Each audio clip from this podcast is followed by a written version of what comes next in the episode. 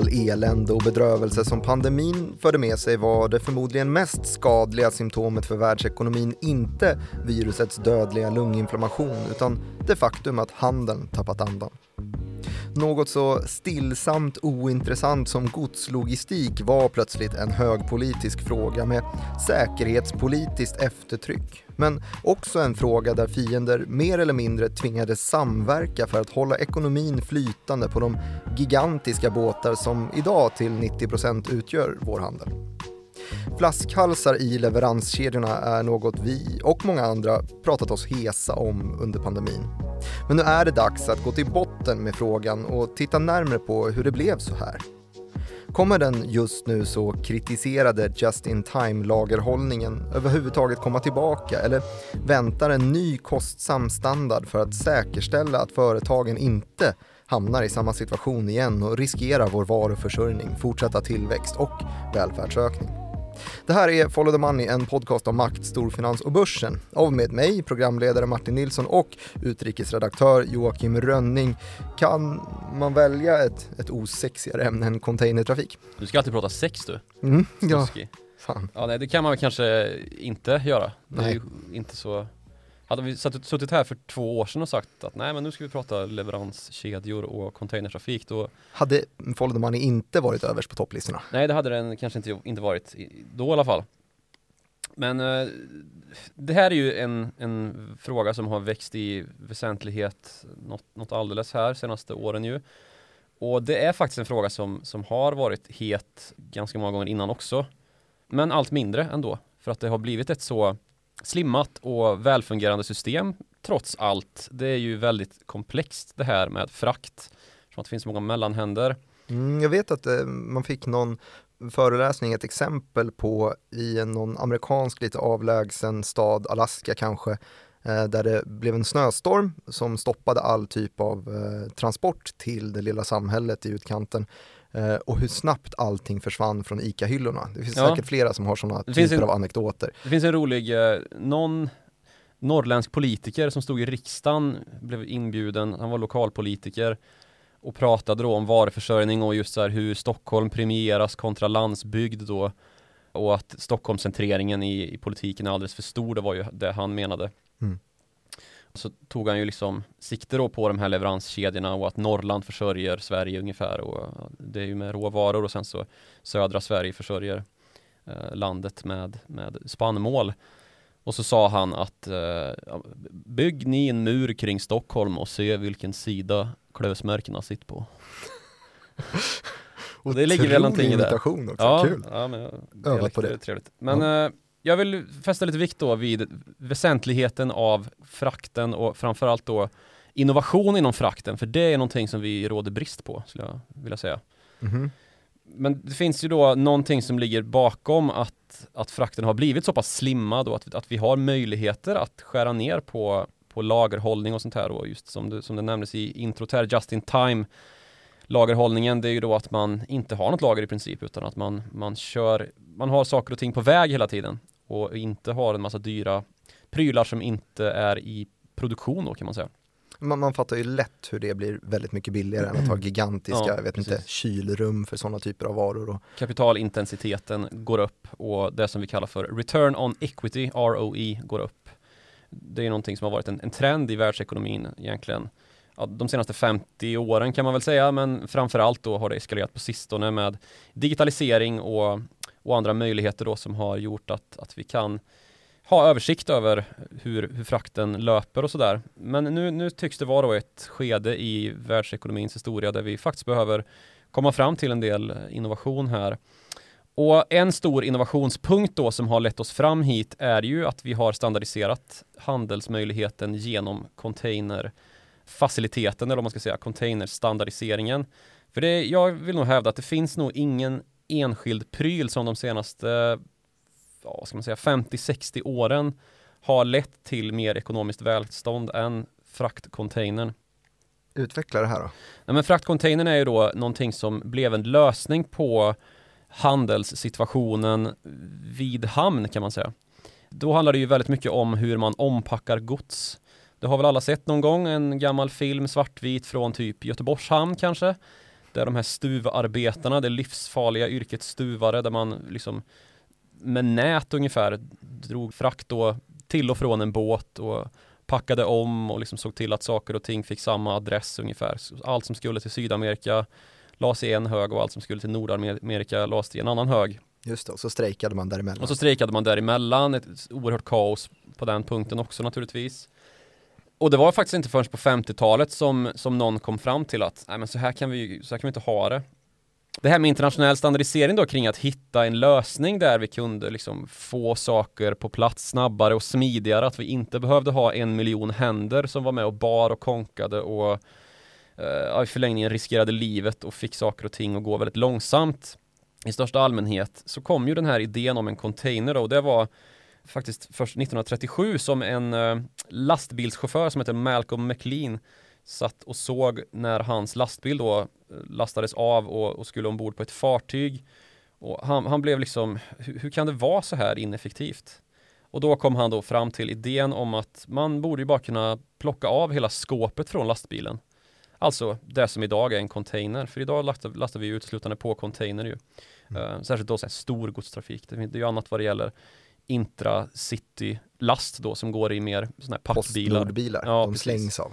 Men sådana här stora containerfraktbilar då så, så, är det ju ja, en 40 fots container i först och främst. Det finns ju olika för det här men 40 fots container är ju den vanligaste. Och han då startade, den är Malcolm McLean, ett transportföretag som han kallade för Sealand. Och sen på 50-talet så genomförs den första resan då med containrar och det här kommer ganska snart sen, 1961 redan, att standardiseras med containrar. Hans första resa var 1956 alltså och, och sen 1961 redan så standardiseras containrarna. Och då kan man ju lätt se därifrån då att idag 2022 så fraktas ungefär 90% av all frakt i containrar då på oceangående fartyg bortsett från olja och en del bulkgods som det kallas och, och råvaror då på sådana här containrar. Och den här andelen är särskilt stor då på de stora världshaven, alltså till exempel mellan Kina och övriga världen, eftersom att Kina tillverkar nästan allt, höll jag på att säga. Så ju längre frakten ska färdas då, desto större utsträckning så handlar det om de här containrarna som vi ju också ser, inte bara på, på lastbilar och båtar utan också på tåg ju. Det kommer jag ihåg när jag var liten, jag bodde uppväxt i Skåre utanför Karlstad och där finns det ett genomskärande tågspår då som en omlastningsplats för ett, för ett gammalt sågverk. Kunde man sitta där och titta på när uh, de här stora godstågen for förbi med uh, containrar som det stod på kinesiska på sådär. Så kunde man drömma sig ut i stora vida världen från sitt lilla Skåre. Så hamnade du i Stockholm. Ja, det gjorde jag också. Men uh, det var alltså komplexare att frakta för när vi hade en småparti godspackning, alltså stuvarna fick, fick ta pryl för pryl ungefär. Och, Just det, varje timmerstock via ån. inte riktigt kanske, men eh, det är ju fortfarande väldigt komplext att frakta trots att vi gör det då i containrar. Fast idag så är det ju komplext på ett annat sätt och det har ju med standardiseringen att göra då för med standardiseringen av de här containrarna så har ju handeln också ökat exponentiellt. Och eftersom att det är en leveranskedja då, allt det här, så är ju också komplexiteten exponentiell med alla de här mellanhänderna som ska dra åt samma håll då och få gods A till, till sin slutpunkt eh, via B, C, D och E liksom. Mm. Så jag tänkte vi, vi kan liksom gå igenom hela den här transportkedjan av varor som ju är så viktig för handel och, och, tillväxt då, att vi är helt beroende av handel och ska vi höja välståndet så måste ju den här handeln fungera. Mm. Så om vi tittar på vad vi har i den här kedjan då så är det ju först och främst en fabrik som tillverkar en produkt. Då har man kan fått... vi göra det här med, med mitt Playstation 5 i, i åtanke? Exemplifiera produkten, för jag har väntat på det väldigt länge nu. Du och ditt Playstation 5 alltså. Mm. Har du fått ditt Playstation 5? Nej. Nej. Men eh, visst, det kan vi väl. Då har vi ju då Sony är det väl som tillverkar dem? Ja, visst. De har säkert en fabrik i antingen Japan eller kanske i i Kina har man ju definitivt kontakt med som att det förmodligen tillverkas någon sorts chip i Kina eller kanske Taiwan. Mm. Och då har man då tagit in en massa insatsvaror för att sätta ihop ett eh, PS5.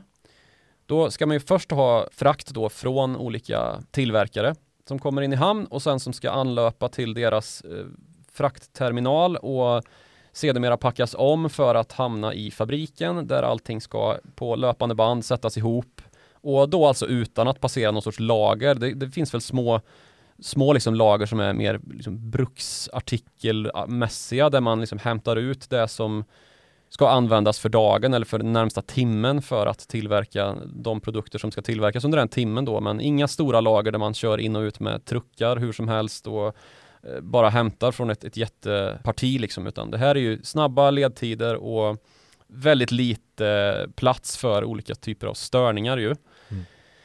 Så sätts hela PS5 ihop då på, på bandet och sedermera då så inleds PS5ans fraktresa där det då ska levereras till dig som slutkund här i uh, Stockholm.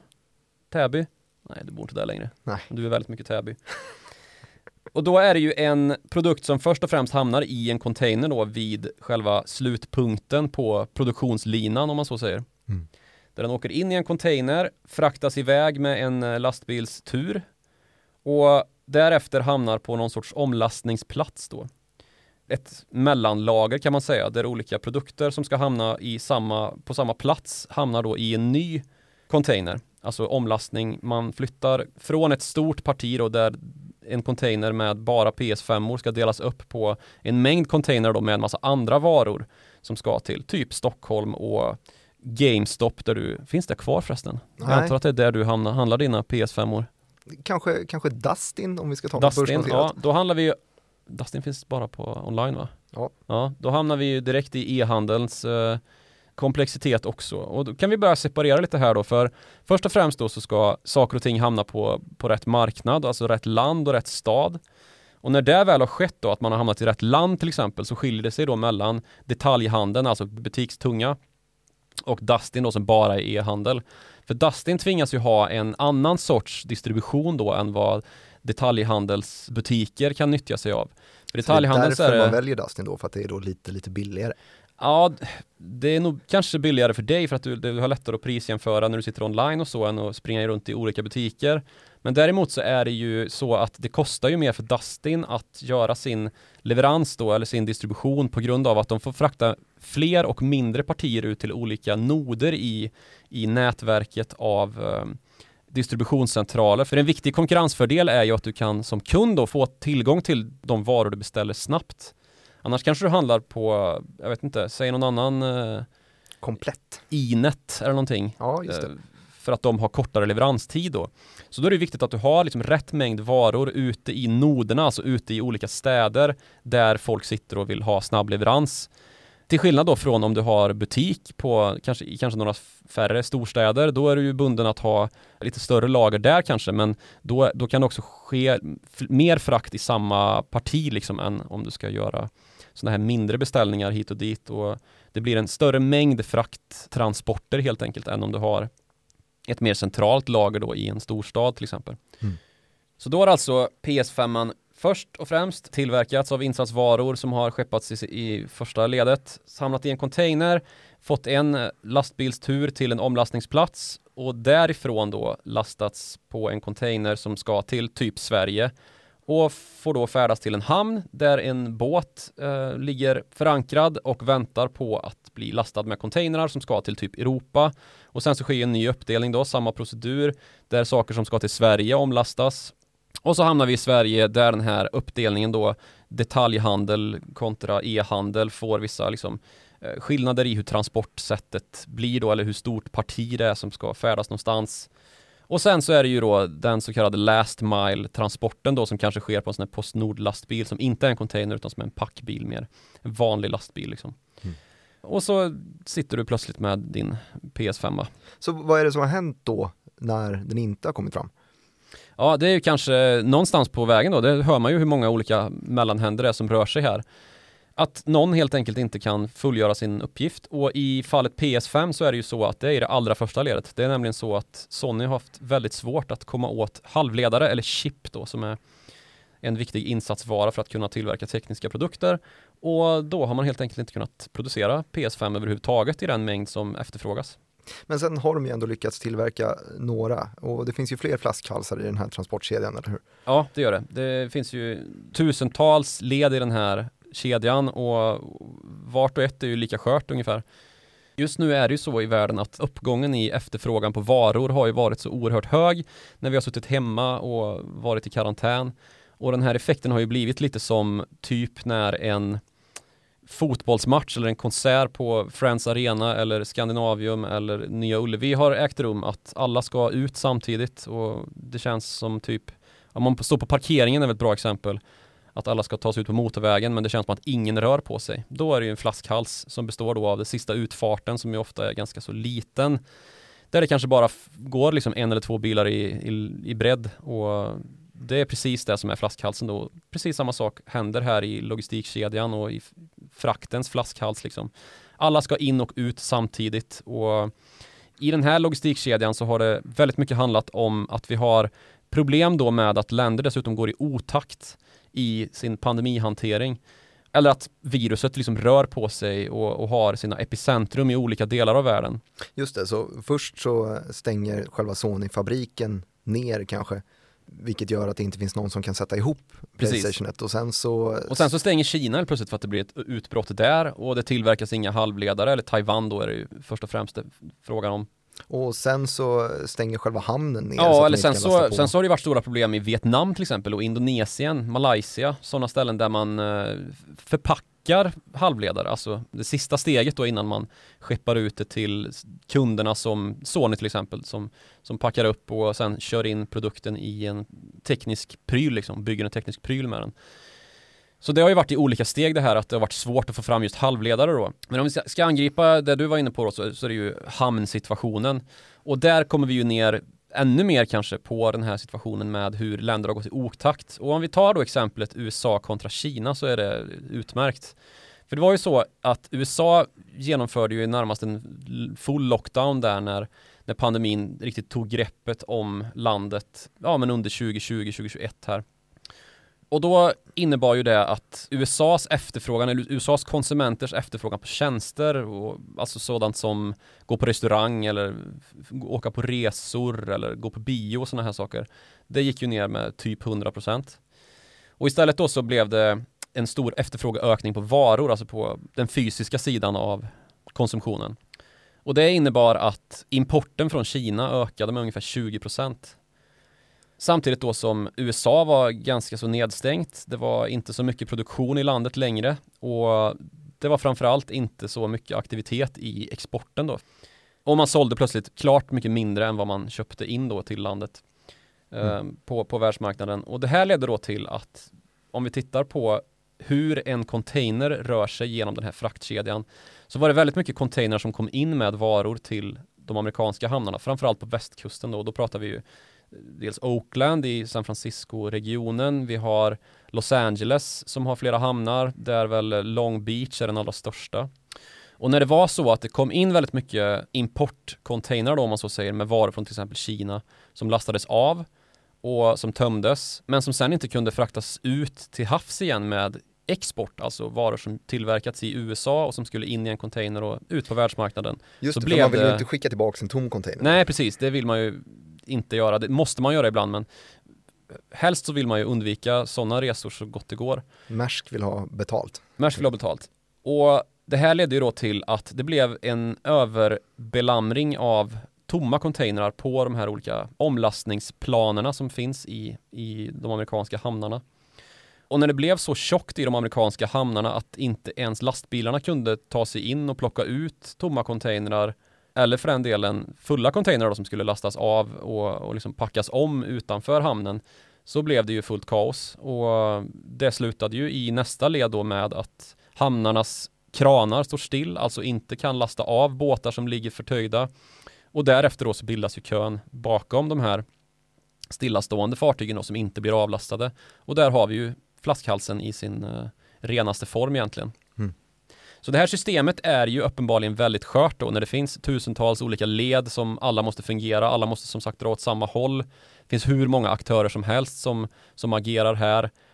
Och en enda båt liksom kan, kan sätta saker och ting helt och hållet ur spel nästan. Alltså vi hade ju till exempel Suezkanalen ju, den uh, berömda båten som låg där, som väl var på alla nyårsquiz i år. Evergiven. Ja. ja, jag svarade ju Evergreen. Ja. Jag tänkte att här ska jag stoltsera. Skäms. Ja, verkligen. Men eh, Du svarade det, rätt. Ja, självklart. Men ja. Det, det var ju en, en stor nyhet eh, och väldigt mycket lustigheter på, på internet kring den här båten då. Eftersom att det var en så Dum händelse. otroligt dum händelse. En Mm. båt som, jag vet inte om den var packad där någonting, packad, packad båt men packad besättning också kanske, Ja, det var något sånt. som råkade liksom köra in i, i eh, Med, med fören på styrbordssida Ja, rätt in i dyn. grundstöter liksom och så ligger på sniskan och så är det fullständigt omöjligt att ta sig igenom en av världens viktigaste farleder. Och det var ju en, det är ju en plats där, vad fan var det, 50 sådana här jättefartyg per dag passerar igenom 12% av världshandeln. Och det fick ju stora konsekvenser för en del företag att jaha, våra båtar ligger ju bakom där, hur ska vi göra nu då? Mm. Så får man frakta runt eh, Kap Horn och det tar flera veckor längre och ja, kaos. En fysisk eh, flaskhals. Ja, fysisk flaskhals blev det då. Det, här gav i alla fall en liten översikt över alla olika delar i det. För när det beskrivits i media just flaskhalsproblematiken så har man ofta refererat till eh, containerpriserna. Mm. Eh, som vi har sett också att de har eh, stigit sen pandemiutbrottet. Det var ganska lågt precis vid pandemiutbrottet men sen så har det stegrat lite långsamt. Jag tror att priserna låg under eh, 2000 dollar och då vet jag inte vad det är för Nej, det är väl hela världen då kanske, men det, alltså, om man tar Stilla havet som vi har varit inne på nu då, mellan Kina och USA. Mm. Där hade vi innan pandemin bröt ut ungefär 3000 dollar för en sån, en sån containerfrakt. Och när det var som värst här då, i september var väl det, 2021, så låg den fraktraten som det kallas då på 24 000 dollar. Så ja, åtta gånger, 8x uppgång. Eh, och det, det förvånade mig lite att just piken här är i september 2021, att Mm. det inte var tidigare än så. Eh, men sen så har den ju fallit tillbaka men verkligen ganska maklig takt jämfört med hur det låg tidigare. Mm. Men det här, de här containerpriserna har ju då fått beskriva flaskhalsproblematiken och då har man ju lätt tänkt att, ja men vadå, det måste ju helt enkelt vara ganska lätt att lösa på sikt att man skickar ut lite fler båtar och, och får hämta de här grejerna. Men när man förstår att det är flera led, att det faktiskt är strejkande hamnarbetare och tomma containrar som också är biproblem i det hela, Ja. plus kanske halvledarproblematik, så är det ju en svårare nöt att knäcka och den kanske ligger kvar längre. Som, ja, det är ju ett problem som, liksom, eh, som lever, som lever sitt eget liv. Mm. Men och vad, liksom, vad gäller frakt överlag så är det liksom ingen fara så länge systemet är opåverkat och rullar ja, men som vanligt. För då vet marknaden vad som är att räkna med i form av liksom leveranstider och sådär. Men sen när det dyk, dyker upp sådana här externa krafter så, så bryter alltihop samman och då, ja, det är ett problem som, som hela tiden utvecklas kan man säga. Men som har alldeles för många händer, alltså för mycket manuellt arbete för att det ska vara helt förutsägbart. Och dessutom så har vi den här externa faktorn då som man aldrig riktigt vet vad som ska hända. Det kan ju vara en storm liksom i Sydostasien som seglar upp plötsligt, att det sker just en sån här hamnarbetarstrejk eller att vi har en pandemi. Det här är ju liksom ett, ett kaos som bara uppstår någon gång vart hundrade år kanske som har utbrutit nu. Men den har ju ändå fått människor och framförallt bolag då att tänka om lite grann, att försöka hitta sätt att säkra eh, logistikkedjorna. Det såg vi ju inte minst på fjolårets kursvinnare på small cap i alla fall, Hansa Holding som eh, sysslar med just eh, att skapa en rationell leveranskedja. De, de eh, sa i ett vd-ord här, här för inte så länge sedan när jag kikade att bristsituationen tydliggör fördelarna av att skapa en rationell leveranskedja, vilket är just Hansas eh, kärnerbjudande, sa, sa vdn här. Och det syns ju då i aktiekursen som är 350% plus under 2021. Mm. Det finns ju en del andra lite större bolag som också har eh, tärligt guld i den här situationen och då pratar vi bland annat om danska Maersk som ju är väl världens största fraktbolag. Nordens egen Berkshire Hathaway. Ja, precis. I alla fall om man kollar på vad en aktie kostar, 22 000 spänn ungefär. Ja, jo men de är också 200% upp sen pandemibotten och det är ju anmärkningsvärt på ett bolag som redan är så pass stort. Alltså Hansa Holding, eh, bolagsvärde på kring 2,5-3 miljarder kanske, Maersk eh, typ 600 miljarder. Eh, Mm. Så att, att eh, de utvecklas med 200% är en helt annan liga. Men sen så har vi också de som också tält guld som vi har nämnt här lite grann. Du, Vi sa ju Dustin och Komplett och så vidare, Inet, men också andra typer av handlare. Ett Boost till exempel är det mest utpräglade eh, e-handelsbolaget på eh, Stockholmsbörsen, typ 300% upp sedan pandemibotten. Ja. Och i, idag också såg jag en av de mest blankade på Stockholmsbörsen, så kanske just 300% var lite mycket, tycker vissa. Ja men alltså e-handeln var ju väldigt stark 2020 på börsen. 2021 var ju betydligt tyngre. Eh, Amazon till exempel som ju eh, är ett av de mest omtalade bolagen de senaste tio åren.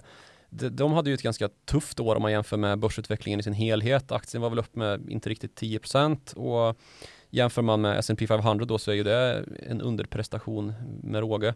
Men de är, väl, de är väl så pass stora att det inte längre är ett utpräglat e-handelsbolag? Men det finns ju motsvarigheter på mindre marknader också som har haft det tufft. Och, så Alibaba kan man inte riktigt prata om det i det här sammanhanget. Det är ju inget mindre bolag där heller direkt men eh, mindre än Amazon är det ju men det är ju inte ett litet men man bolag. Kan prata om... men de, har ju haft så mycket problem med techregleringar och så här. Men det. det. finns ju mindre e-handelsbolag som, som har haft ett tuffare 2021 än vad många andra bolag har haft uh, i den här liksom, tech-trenden och digitala omställningstrenden. Eftersom att man just hade en sån otrolig uppgångsresa 2020 då när pandemin kom mm. och man såg de här drastiska trenderna mot typ e-handel och sådär. Eh, till exempel då bolaget som är det mest ägda e-handelsbolaget på Stockholmsbörsen på Avanza i alla fall. Har du koll på vilket det är? Nej. Liten gaffel för att det råkar vara Zalando, tyska. Och det ja. blev ju så lite automatiskt efter att Kinnevik delade ut och Kinnevik det är ju extremt högt ägt. Mm. De delade ut dem i somras så de gjorde väl det ganska bra. Mm. Um, men uh, om vi istället går till hur, hur vi hamnade här, vad, vad går det att fylla i då?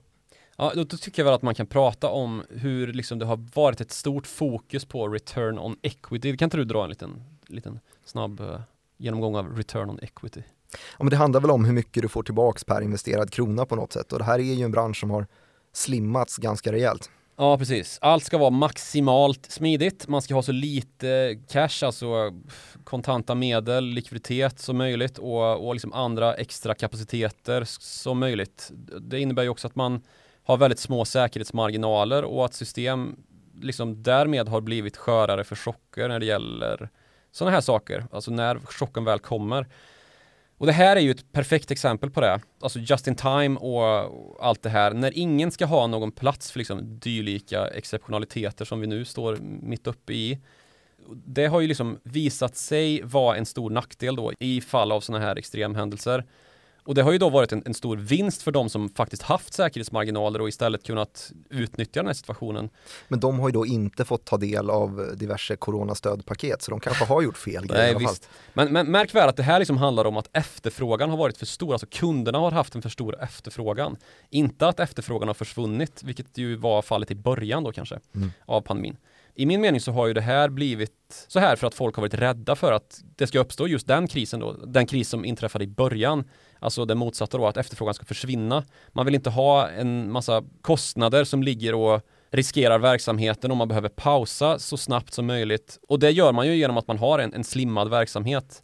Nu blev det tvärtom och då var kejsaren naken liksom. Nu har ju debatten kommit att handla mer om just just in case snarare än just in time då, att man bör ha säkerhetsmarginaler, liksom krockkudde för att kunna ja men ta som till exempel hamnar då, de borde kanske ha haft en, en extra ompackningsyta som man kunde liksom nyttja i händelse av sådana här kriser där efterfrågan går upp drastiskt så att inte liksom Long Beach-hamnen är fylld av tomma containrar som inte går att plocka ut ens för att det är så överbelamrat inne på omlastningsgården liksom. Mm om man kanske bör ha liksom en strategisk reserv av typ sådana här chassin som, som ju står under en container, alltså släpvagn kan man väl säga.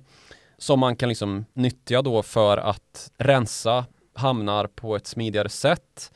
Man kanske bör se över regleringar, vilket man nu har gjort just i Long Beach faktiskt, där man då på ett ganska så snabbt sätt lyckades få till en undantagsregel för hur många containrar man fick ställa ovanpå varandra. Mm. Alltså att man istället för att max få ha två containrar i höjd så fick man plötsligt ha sex containrar i höjd. Och det ledde ju till att man frigjorde skitmycket yta då och plötsligt kunde lastbilarna ta sig in och frakta ut eh, sådana här tomma containrar smidigare. Det har också visat sig finnas ett, en enorm underinvestering i infrastruktursystem.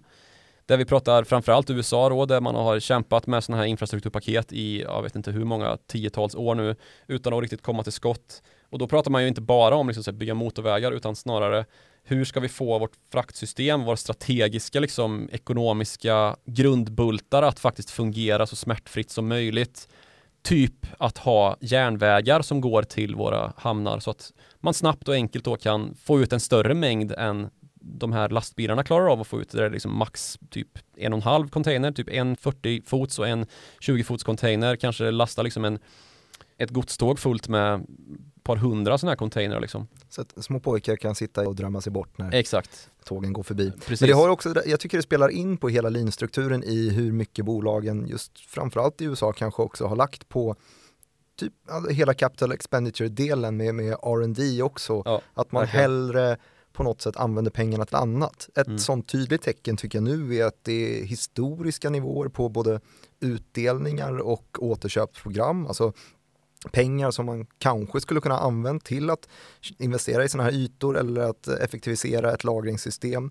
Eh, och där är det ju så att utdelning och återköp är, det är nollsummespel där man rent praktiskt säger vi vill göra det bästa för våra aktieägare och just nu så ser vi att det är mer nytta att dela ut pengarna än att använda dem själva. Och det är liksom eh, sätter pricken på it vad gäller hela lean-systemet på något sätt. Att man Mm. maxar den delen så mycket som möjligt. Man vill ha så lite säkerhetsmarginal som möjligt. För Slimma balansräkningen till max liksom.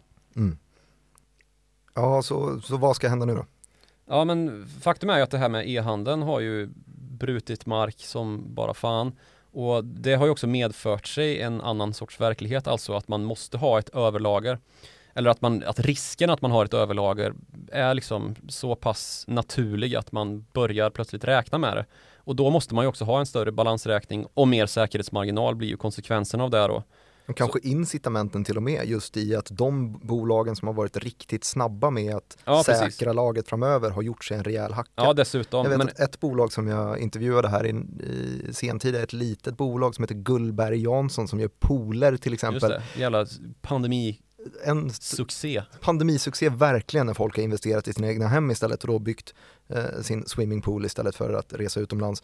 VDn där sa ju att nej, men en av våra största framgångar är just att vi har varit extremt tidiga på att säkra laget framöver och han sa det också, och vi har, vi har redan säkrat allt vi behöver för 2022. Ja precis, och en viktig konkurrensfördel är ju att kunna leverera snabbt och inte så här, ja visst du kan få köpa det här av oss men det kommer dröja ett halvår.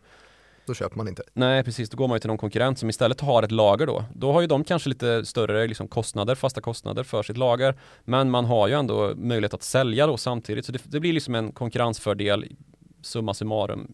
Så här är ju en fråga som företagen just nu har väldigt mycket fokus på.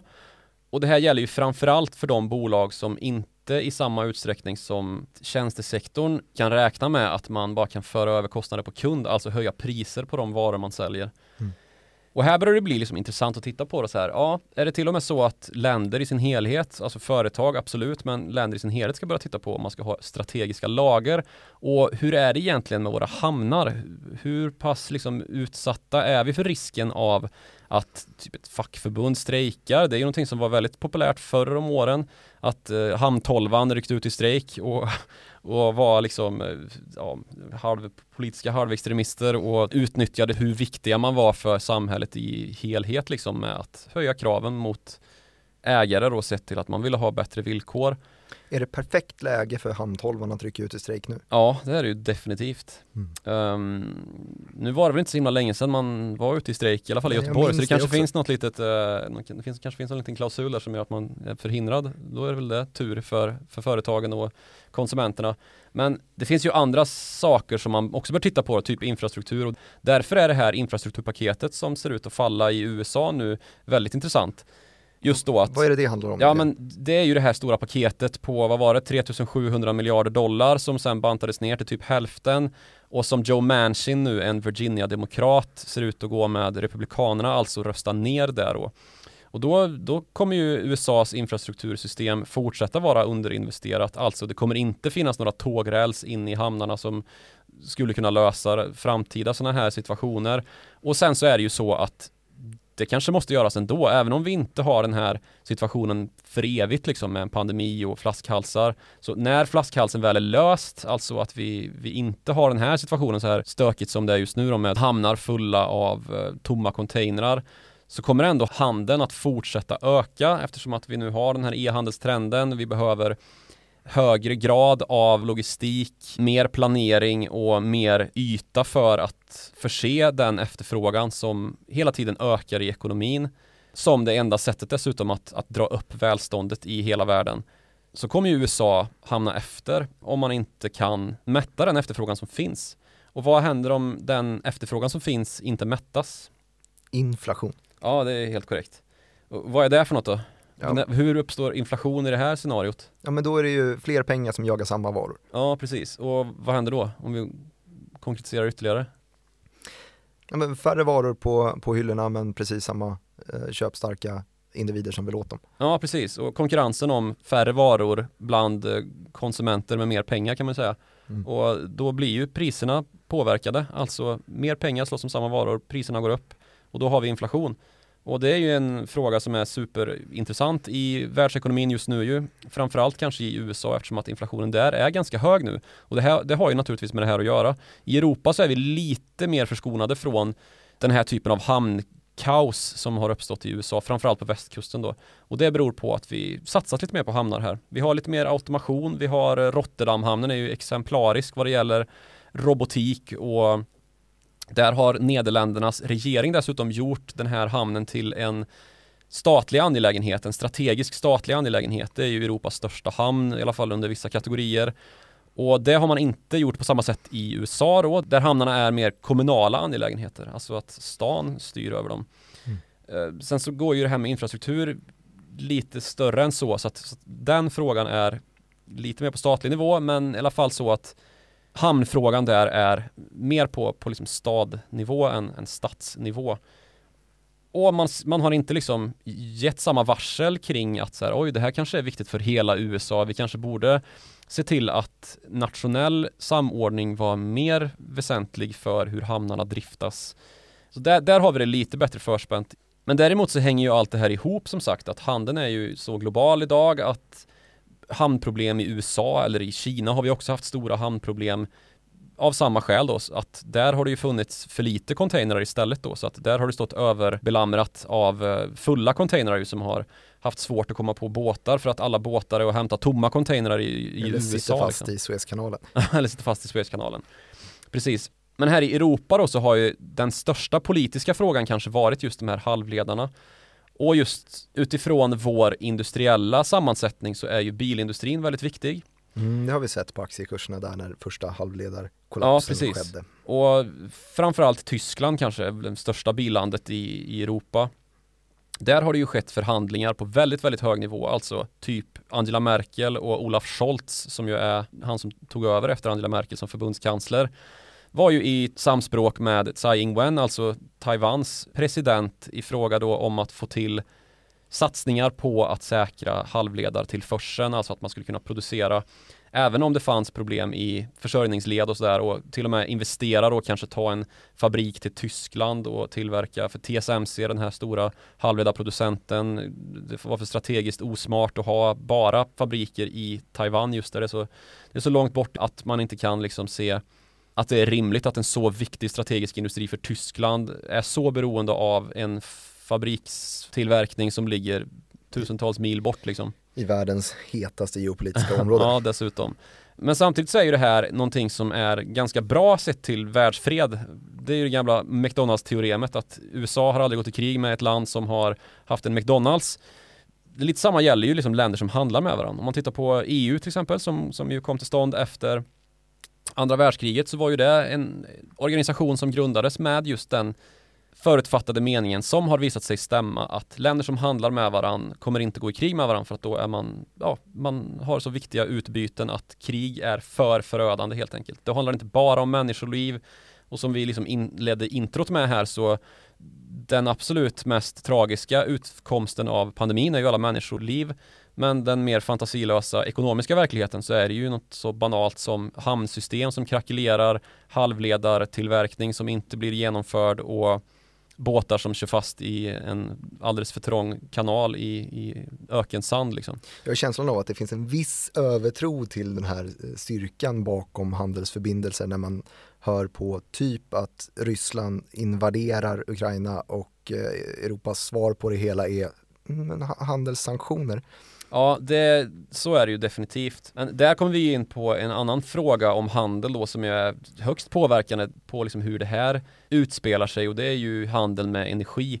som ju inte sker i container och som inte har samma liksom flaskhalsproblematik men där flaskhalsen istället är helt liksom manuellt orkestrerad av en gubbe i Ryssland som bestämmer om det ska skickas iväg någon gas genom ledningar som går just genom Ukraina. Och han heter ju Vladimir Putin och har precis byggt en gasledning genom Östersjön som heter Nord Stream 2 som Tyskland inte vill öppna trots att man har bestämt sig för att bygga den här då. Och det används ju påtryckningsmedel här då. Att eh, Tyskland anser väl att man utför någon sorts påtryckning mot Ryssland genom att inte öppna gasledningen och då svarar Ryssland med att hota med krig i Ukraina där mycket av den gas som, som anlöper till tysk mark måste gå igenom utöver den som, som går genom Vitryssland och Polen naturligtvis. Så det här har definitivt också med handel att göra men ja det, det är ju verkligen så att både EU och USA har liksom ertappats med att stå lite grann på fel fot och eh, Ryssland har ju av alla säkerhetspolitiska bedömningar ett militärt övertag till och med på NATO i den här regionen under 2022 och därför befarar man att Ryssland kommer skrida till verket här under det år som precis har börjat när vi spelar in det här. Så det finns ju flera skäl till det här men det har definitivt med handel att göra eh, i någon aspekt i alla fall. Och det är ju gasen som ska skickas till till ett Europa som plötsligt står i en brinnande energi eller kanske slocknad eh, därför att det inte brinner så mycket eh, gas i alla fall när solen inte skiner som den ska och vinden inte blåser. När det var vindstilla i hela Europa så fanns det plötsligt ingen energi och ja, nu ska dessutom Tyskland stänga ner alla sina, eller det har man redan gjort nu, stängt ner sina kärnkraftverk och ja, det rimmar ju lite illa med klimatsatsningar och, och, annat när man ska istället då försörja sig med koleldad och eh, oljeeldad energi för att få elektricitet och värme i stugorna. Och bedriva handelskrig på energifronten just. Ja, precis. Det blir väldigt stökigt. Men om vi återkommer till bilarna då som, ju, som är ett av Tysklands viktigaste levebröd så är ju som sagt halvledarna en väldigt viktig insatsfara i moderna bilar och det finns ju ingen biltillverkare idag som inte har haft produktionsstopp och det är ju miljontals bilar som, som inte har tillverkats och som som är liksom en utebliven intäkt. Och här har vi ju skiftet mot att skapa någon form av lite säkrare leveranskedja, ja, diversifiera sig, skapa ett eget halvledarföretag närmre. Ja, precis. Eh, säkra gruvnäringen för att se till att varenda råvara som krävs finns i närområdet. Ja, det blir ju lite så här globalisering in reverse, alltså man rullar tillbaks globalisering och istället börjar upprätta lite strategiska det behöver inte vara ett stort lager liksom som står ute på någon slätt någonstans utan mer att man har möjlighet att tillverka saker inom alla olika skrån liksom att det inte bara finns biltillverkning i Tyskland utan att det också finns möjlighet att tillverka halvledare då. Så att man har råd att gå ut i krig. ja, det är en tråkig utveckling måste man ju säga.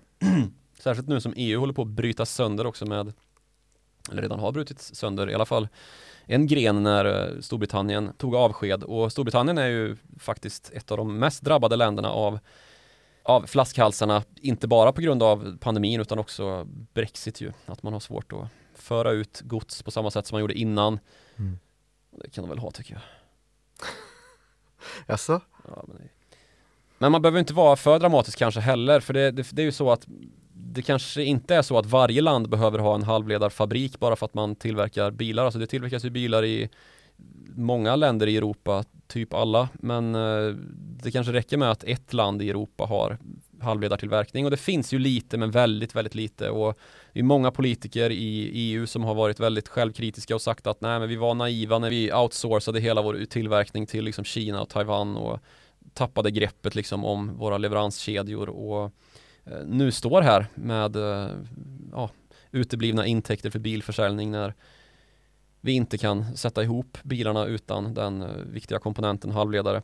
Mm. Men samtidigt då så har ju många länder varit ganska så, så här, ja visst det finns uh, en del propåer från TSMC då det här taiwanesiska företaget som är världsledande på, på just kontraktstillverkning av halvledare men uh, de gör ju det där i USA också. De har ju en massa projekt på det. Vi kanske kan vänta på, på, på de projekten och så kan vi få liksom försörjning från två håll i alla fall. Det är ju bättre än att vi bara har från Taiwan. Så det ser väl ut att kanske vara den vägen man löser det hela på.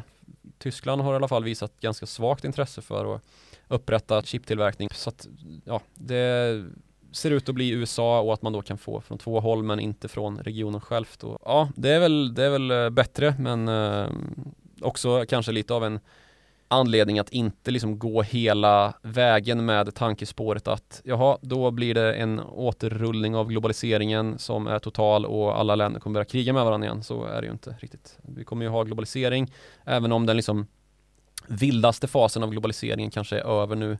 Och det här är väl ytterligare en, en trend som, som kan vara ett bevis på det då att eh, många börjar fundera på hur, hur smart det är egentligen att ha de här just in time systemen och hur strategiskt är det egentligen att inte ha varuförsörjning för att tillverka produkter som är viktiga för hela liksom, nationens ekonomi. Nej, onekligen så att den typen av globalisering har, har vänt tillbaka lite grann men inte asmycket samtidigt som det då pågår annan typ av ganska extrem globalisering eh, vad gäller cloudnätverk till exempel. Där ser vi ju eh, krafter åt helt andra hållet istället att länder knyts ihop den vägen. Ja, precis. Och som sagt, just in case är ju en, en bra, det har vi redan nämnt i avsnittet, under avsnittets gång här, men det är ju ett, en term då som har kommit till stånd här när man har börjat prata om just eh, ja, det är ju naivt att tro att vi bara ska kunna ha saker på väg och att det ska vara så totalt slimmat och överskott i balansräkningen på noll liksom. När det finns den här typen av risker också då att vi plötsligt får en efterfrågechock Alltså att eh, efterfrågan går upp något markant och vi inte kan leverera till kund, det är inte heller bra. Så att man liksom tar höjd för både efterfrågeökning och efterfrågeminskning då. Eh, risken åt båda håll liksom.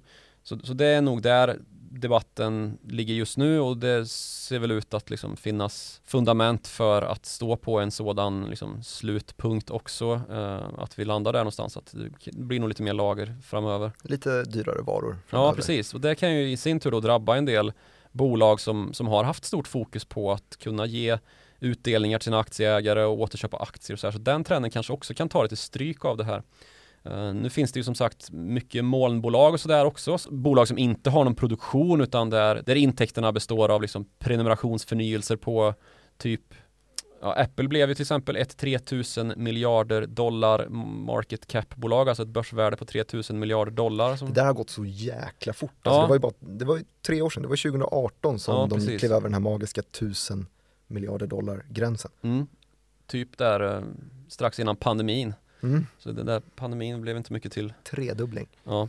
Uh, men i alla fall, Apple och alla andra bolag har ju fokus nu på att man ska ha prenumerationer, liksom att det ska vara passiva inkomster som liksom inte behöver förnyas utan alltså vid engångsköp eh, där man har intäkt från engångsköp. Jag vet inte hur många, jag får, får ett mail i månaden om att jag har en sån här iCloud subscription som jag inte vet vad det är men eftersom att det bara är 19 kronor i månaden så tänker jag ja, det är säkert någon bild som ligger där. Mm. Och så betalar man bara. Det är klart att sånt påverkar väldigt mycket. Men de är ju också, ska man säga, väldigt beroende. De är ju på, på kundsidan där istället ju. Att man behöver ju chip för att hålla de här serverhallarna igång som är just iCloud. Och det finns ju hur många bolag som helst i den ekonomin. Och några av de bolag som finns här ägnar sig ju också åt just fraktplanering. Det har ju blivit en väldigt populär investeringstrend att söka inom cloudbranschen och se vad som finns för möjligheter att skapa liksom översikt då över den här komplexa fraktkedjan som vi har i världen. Och det i sin tur då kanske kan leda till att vi kan rättfärdiga den här globaliseringen som vi har skapat nu då med containerfrakten sedan 1961 när den blir standardiserad så att den kan fortsätta och växa och det är ju någonting som är säkert att vi måste ju ha en fortsatt världshandel, herregud. Så att, som sagt, det är inte så att globaliseringen själv dör på grund av det vi sitter och pratar om här nu, men kanske att den får en säkert, liten eh, käpp i hjulet i alla fall. Vissa krafter som vi faktiskt inte har nämnt i det här måste ju vara klimatet ändå. Att få närproducerat har ju varit en ganska viktig del i den debatten. Ja, och det kan man ju också vara tydlig med att containerfrakten är ju inte skitbra för miljön. Alltså de här båtarna som Evergrande som du pratade om, det är väl ett av världens största fartyg, 400 meter långt typ. Nu sa ju du fel också. Evergrande sa jag. Ja, det var dumt. Evergiven, förlåt. Fan. Ja, 1-1. Det, det är ju 400 meter långt fartyg och det drar ju en del dieselolja om man säger så. Mm -hmm. Och jag gissar också att den typen av eh, frakt har väl ökat i samband med att om ett containerpris går från du sa 3 000 dollar upp till 24 000 dollar på, på en peak. Precis, det, är inte min, det är inte så att det blir mindre attraktivt att köra sådana här båtar. Det blir framförallt inte mindre attraktivt att försöka ta en del av den här logistikkedjan via flyg eller via bil eller andra ännu mer utsläppskrävande Nej precis, det hade vi faktiskt en analys ute här i början på den vecka vi sitter och spelar in det här där City höjde Lufthansas aktie, alltså tyska flygbolaget Lufthansas aktie med två steg i rekommendationen då från sälj till köp. Det är ju neutral eller behåll däremellan också. Och det motiverade man då med dels att eh, visst, Asien ska återöppna och dit har Lufthansa många, många linjer, men framförallt att det finns en så kraftigt ökande efterfrågan på frakt då och flygfrakt är ju ett sätt att transportera varor väldigt snabbt. Det har ju varit en, en perfekt storm för de här till synes okonkbara flygbolagen som ja, eh, i och för sig fick en, en rejäl storm här i samband med pandemin när själva turistdelen försvann. Men samtidigt som den försvann så fick vi ju extremt låga oljepriser. Fraktpriserna gick upp som fan och de hade tomma flygplan så de måste i alla fall kunnat tälja av lite grann i den här fraktdelen eh, ja. gissar jag. Får röja ut alla passagerarsäten och bara lasta flygcontainrar istället. Ja men det finns väl flera flygbolag som jobbar just med sånt. Fedex ja, har väl ett par stycken kanske även om inte det är Det vet man ju om man har sett Castaway. Just det. Mm. Tom Hanks sitter på en sån. Alltid lite filmreferenser. Ja, eh, vår podd heter Follow the Money och avslutningen på den mejladressen är snabeladirekt.se och på Twitter kan man nå oss på snabeladirektmartin heter jag och du heter snabela Joakim Ronning. Där kan man skriva ett par rara ord och så svarar vi ibland. Eh, gör gärna det och eh, klicka gärna tumme upp där det går att göra. Skicka en bra recension via den podcastappen du lyssnar på eh, så hörs vi igen om en vecka.